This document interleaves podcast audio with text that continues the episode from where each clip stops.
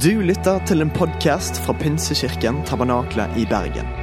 Vi tror at kirken skal være en plass hvor mennesker trives gjennom alle livets faser. En kirke for hele livet. Ønsker du å bli bedre kjent med oss eller holde deg oppdatert? Besøk vår Facebook-side eller ptb.no. Her er ukens tale. Det jeg er veldig glad for, er at gjennom hele denne boken, gjennom hele fortellingen i Bibelen, så, så erkjenner Bibelen det. At tvilen er en naturlig side av livet. Der det er tro, så er det naturlig at man finner en, en tvil i tillegg. Det som er fint med denne boken, er at han ikke bare erkjenner at, at tvil er en greie, men han fortsetter med å oppmuntre til at vi må kjempe for å holde fast på troen istedenfor. I Markus så ser vi en veksling mellom Jesus og en far som, som sårt trenger et mirakel for sin sønn, der, der Jesus svarer 'om det er mulig for meg'. Alt er mulig for den som tror. Og straks roper guttens far, 'Jeg tror, hjelp meg i min vantro'. Paulus skriver til de kristne i Korint, 'Vi har ikke det synlige for øyet, men det usynlige', for det synlige tar slutt, men det usynlige varer evig. Han erkjenner kampen som er mellom disse to tingene, og oppmuntrer til la oss stå i den og feste vårt blikk på det usynlige. Og som Salomo skriver i ordspråkene, så ser vi det kjente verset for, noen. Bevar ditt hjerte fremfor alt du bevarer, for livet går ut fra det. Og Der syns jeg at denne linjen fra en annen sang, skrevet av Joe Day, blir så treffende. For det virker som, i hvert fall, i hvert fall for meg, at tvilens verk virker noen ganger som at det handler bare om at tvilen gjør at det trekker fokuset mitt vekk fra å kjenne Jesus i mitt hjerte, til å fokusere mer på hvilken informasjon og hvilken kunnskap jeg har om han.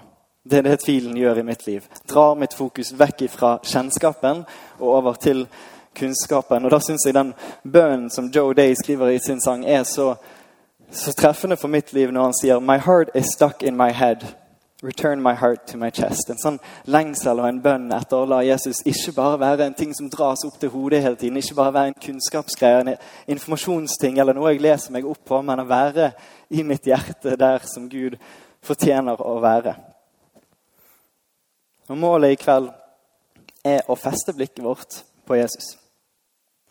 Ikke noe mer fancy enn det, men jeg tror ikke det er noe som er viktigere enn det, egentlig. Så målet i kveld er å feste blikket på Jesus, og ved det la hans plass i våre hjerter få vokse større. Så Herre, vi takker deg for at du er navnet som står fast overalt. Du er klippen, du er den vi kan stole på, du er den vi kan lene våre liv på.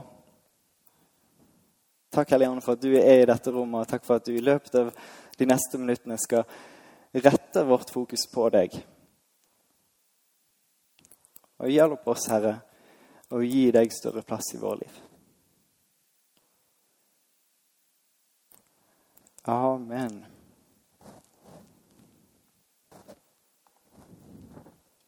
Vi skal straks i gang med en liten lynbibeltime. Men først så må jeg erkjenne noen ting. Og det er for uh, alle som hører på podkast til dette. Jeg, vet ikke helt, jeg har tenkt på dette. Hvor skal jeg se når jeg snakker til de som hører på podkast? Jeg vet fortsatt ikke hva svaret på det men, men uh, jeg må si at du går glipp av noe. Du der ute som hører på podkasten. Du går glipp av et nydelig fellesskap her i rommet, men sånn er det. Du går glipp av en ekstremt bra powerpoint som kommer opp på skjermen etter hvert. Og du går glipp av at jeg stresser med at det er første gang jeg har bøyle på meg. Um, og du går glipp av at jeg nå tar opp en, en burger fra Burger King fra lommen min og gjør et lite eksperiment.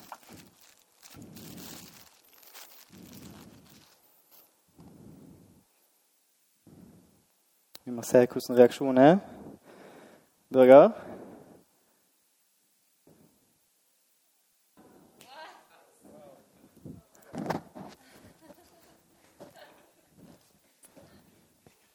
Ja. Det var ikke så lenge i det. Sånn reaksjonen jeg ser, groteske blikk. Folk som sier 'Hva feiler deg? Hvorfor tar du burgeren ut av burgerbrødet?' Det, Det strider mot naturlover. Det ser jeg i blikkene deres.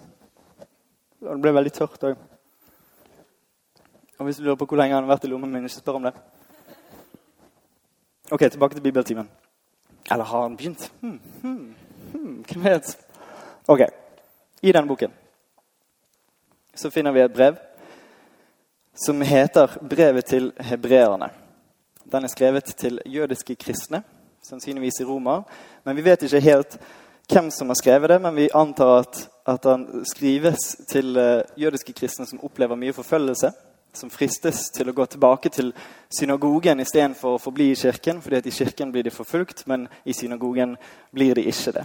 Så Derfor kommer forfatteren til å skrive mye i det brevet om tiden fra Det gamle testamentet. Refererer mye til det for å prøve å hjelpe de jødiske kristne som han skriver til, til å fokusere blikket sitt på Jesus istedenfor. Så når han skriver om Det gamle testamentet, skriver han bl.a. om engler. De som var budbringere, de som skulle fortelle om det Gud holdt på med, og det Gud skulle gjøre. Han forteller om Moses og det lovede landet, dette fantastiske stedet som han hadde lovt til israelsfolket at de skulle få lov til å gå inn i, det som skulle være fryd og gammen og melk og honning og alle de greiene der.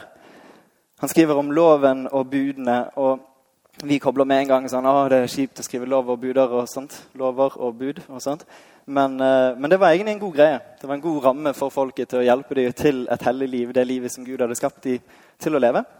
Og Forfatteren skriver litt om, om prestene og offerordningen som skulle hjelpe dem til å fortsatt leve det livet som loven og budene pekte på, selv om de bommet på det igjen og igjen. Ok, Henger vi med? Lynbibeltime betyr sykt kjapt. Og vi bruker ikke så mye, mye, tid på å henge igjen, sånn at vi alle får, får med oss alt. For nå må vi snakke litt om gaver. Her er en nydelig gave. Enig? Pakket den inn selv? Det er ingenting i den. Han er bare for show. Hadde ikke nok papir, så det er ingenting på baksiden. Jeg vil at dere skal stirre på denne gaven lenge nok til at du tenker hver gang du ser en gave de neste ukene så tenker du på det poenget som jeg skal frem til. Lurt? Stirrer vi? Mm. Ok. Fortsett gjerne å stirre på gaven. Det blir veldig bra. Jeg har uh, et par nieser. Og uh, nå skal jeg utlevere en av dem for å være en idiot. Så vi lar hun være anonym, kaller hun Kari. Kan du si Kari? Min niese Kari var ca. to år når meg og Martha, min kone, kjøpte en julegave til henne. Kari åpnet julegaven. Fantastisk gave. Husker ikke hva det var, men helt sikkert fantastisk fordi vi er flotte onkler og tanter. Um, men det Kari gjør, er at hun, hun leker med papiret. Istedenfor å, ta, å erkjenne hvilken flott gave hun har fått, så fortsetter hun å leke med gavepapiret. Så enten er Kari en idiot, eller så er vi en idiot som brukte penger når vi kunne bare gitt ham gavepapir. Men OK, hold den tanken. For poenget er det Nytestamentsteologen N.T. Wright han foreslår at poenget til forfatteren av hebreerbrevet han vil frem til dette. Han vil frem til det at, at englene det var bra, men det var bare budbringere. Han vil frem til at Moses og det lovede land det var, det var, bra, men det var bare ment som en forsmak, som en teaser av det som skulle komme. Han mener, Forfatteren vil frem til at loven og budene det var, det var bra, men det var bare en skygge av det gode livet som Jesus skulle vise oss. Han vil frem til at prestene og offerordningen var bra, men at de bare var tjenere og ikke kan måle seg med det som var det suverene, den ene, den øverste og ypperste, den hellige og perfekte. Så Forfatteren av brevbrevet vil frem til at alle disse tingene var flotte ting. Det hadde sin hensikt, det var til sin tid, men det var egentlig bare gavepapiret. Det var egentlig bare innpakningen som skulle frem til at det vi alle lengtet etter og ventet på, det var Og nå forventer jeg en enorm eh, respons fra dere. Det var Jesus! Er ikke det nydelig? Og nå tenker alle for en powerpoint. Jeg har brukt mye tid på dette. Det forfatteren ville frem til, er at Englene var budbringere, men Jesus er sannheten. Jesus er det budskapet. Jesus er det som de hadde ventet på. Han ville frem til at Moses og det lovede land var bra, det var jo nydelig, men det var bare en forsmak på noe langt bedre og større og evigere som Jesus er oppfyllelsen av.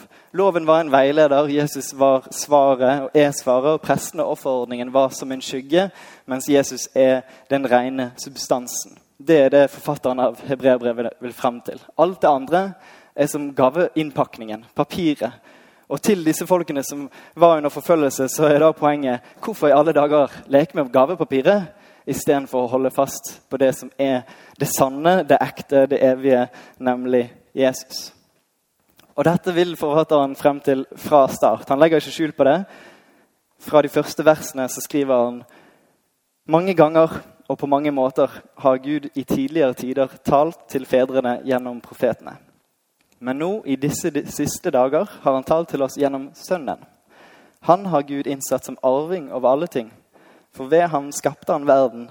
Han er utstrålingen av Guds herlighet og bildet av hans vesen. Han, han bærer alt ved sitt mektige ord. Da han hadde fullført renselsen for våre synder, satte han seg ved majestetens høyre hånd i det høye. Dette er det forfatteren av hebreerbrevet vil frem til. Alt det andre er som flott gaveinnpakning. Det, har sin hensikt, det er for sin tid. Men det vi egentlig vil frem til, det er substansen og gaven og det som er i kjernen av det. Det er som å spise et burgerbrød.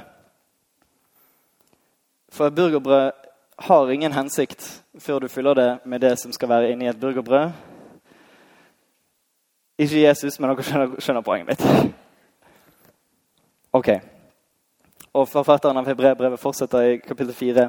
Siden vi har en så stor øverste prest, som har gått gjennom, inn gjennom himlene, Jesus, Guds sønn, så la oss holde fast ved bekjennelsen. For vi har ikke en øverste prest som ikke kan lide med oss i vår svakhet, men en som er prøvet i alt, på samme måte som vi, men uten synd. La oss derfor frimodig tre frem for nådens trone, så vi kan finne barmhjertighet og finne nåde som gir hjelp i rette tid. Hvis vi tror at Jesus er den som han sier han er, så tror vi at den allmektige, suverene Gud, himmelens og jordens skaper, har gått gjennom himlene for å ta bolig blant oss. Vi tror på en allmektig Gud som velger å leve blant oss, som velger å være i våre hjerter, gå sammen med oss, være sammen med oss. Han har levd i verden, han kjenner verden, han kjenner hva vi kjenner på. og Det betyr at han evner å sympatisere med oss. Han har forståelse for hva vi går igjennom. Derfor vil han ha forståelse for oss. Derfor skriver forfatteren la oss derfor frimodig tre frem frimodig tre frem for nådens trone. Fordi at han har forståelse for oss. Jesus er den ene som evner å sympatisere, samtidig som han er den allmektige Gud som har det klareste bildet av hva som er hellig og perfekt. Og det er det som er vår bekjennelse, som vi oppmuntres til å holde fast på.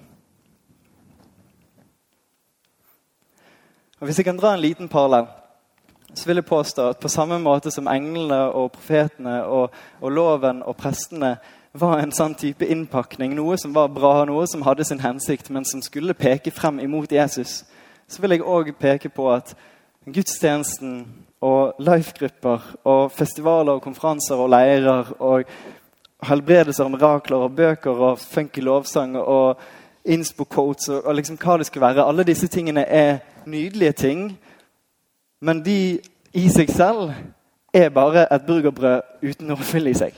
De i seg selv har ingen som helst hensikt. De i seg selv er bare ting som er der.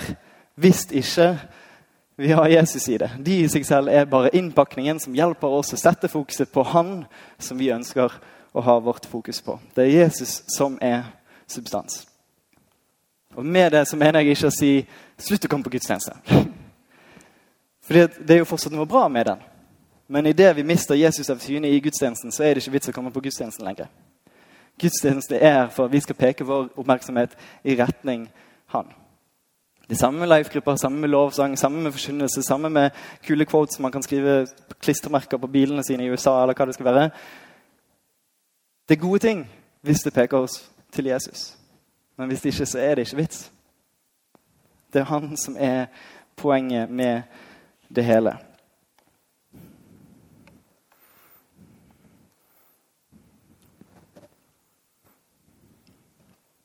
Englene og profetene, loven og prestene var bra, men det var midlertidig.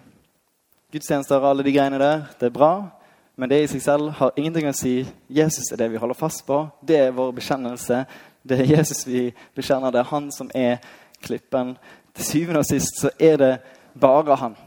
Det er han som er kjærlighet, det er han som er frihet, det er han som er kilden til alt liv. Det er han som er klippen, det er han som setter oss fri, det er han som tilgir oss. Det er hans døde oppstandelse som gir oss liv. Det er bare han, så derfor la oss tre frimodig frem for han.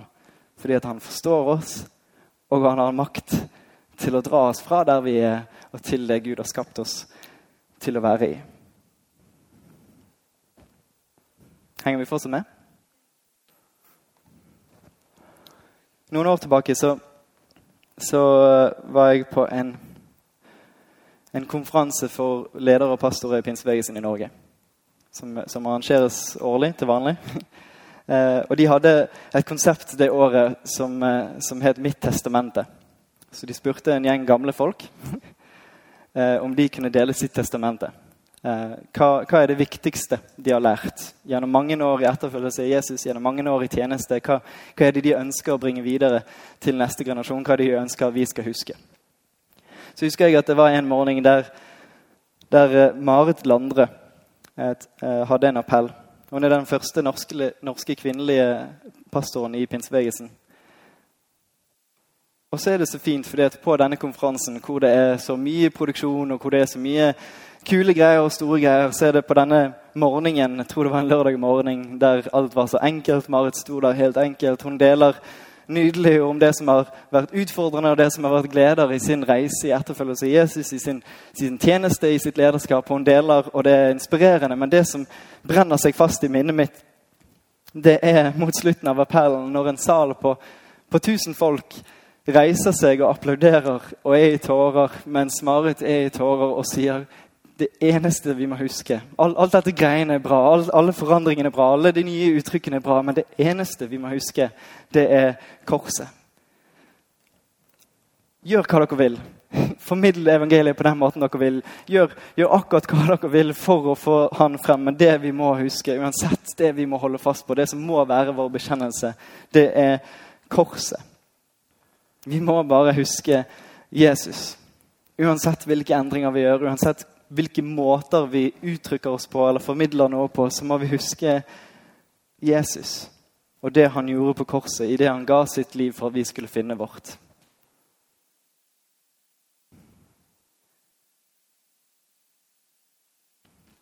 Vi må bare huske korset. Og det vi tror på, er jo at vi er skapt av en fantastisk kjærlig og allmektig Gud til å leve i fellesskap med Han.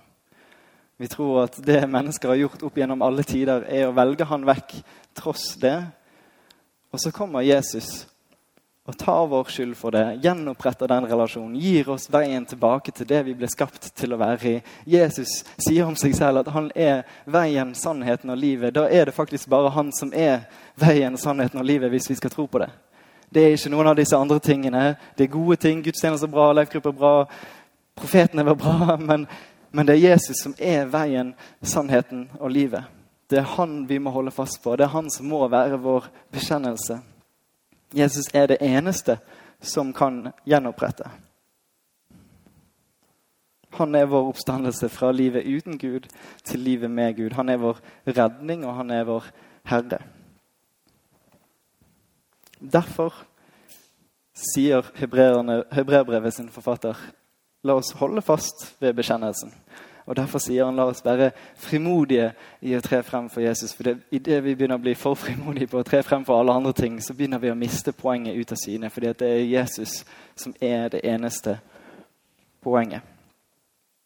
At vi holder fast ved bekjennelsen om Han, Han som er Guds sønn, som var innsett som arving over alle ting. For ved Han skapte Han verden. Han er utstrålingen av Guds herlighet og bildet av hans vesen. Og han bærer alt ved sitt mektige ord.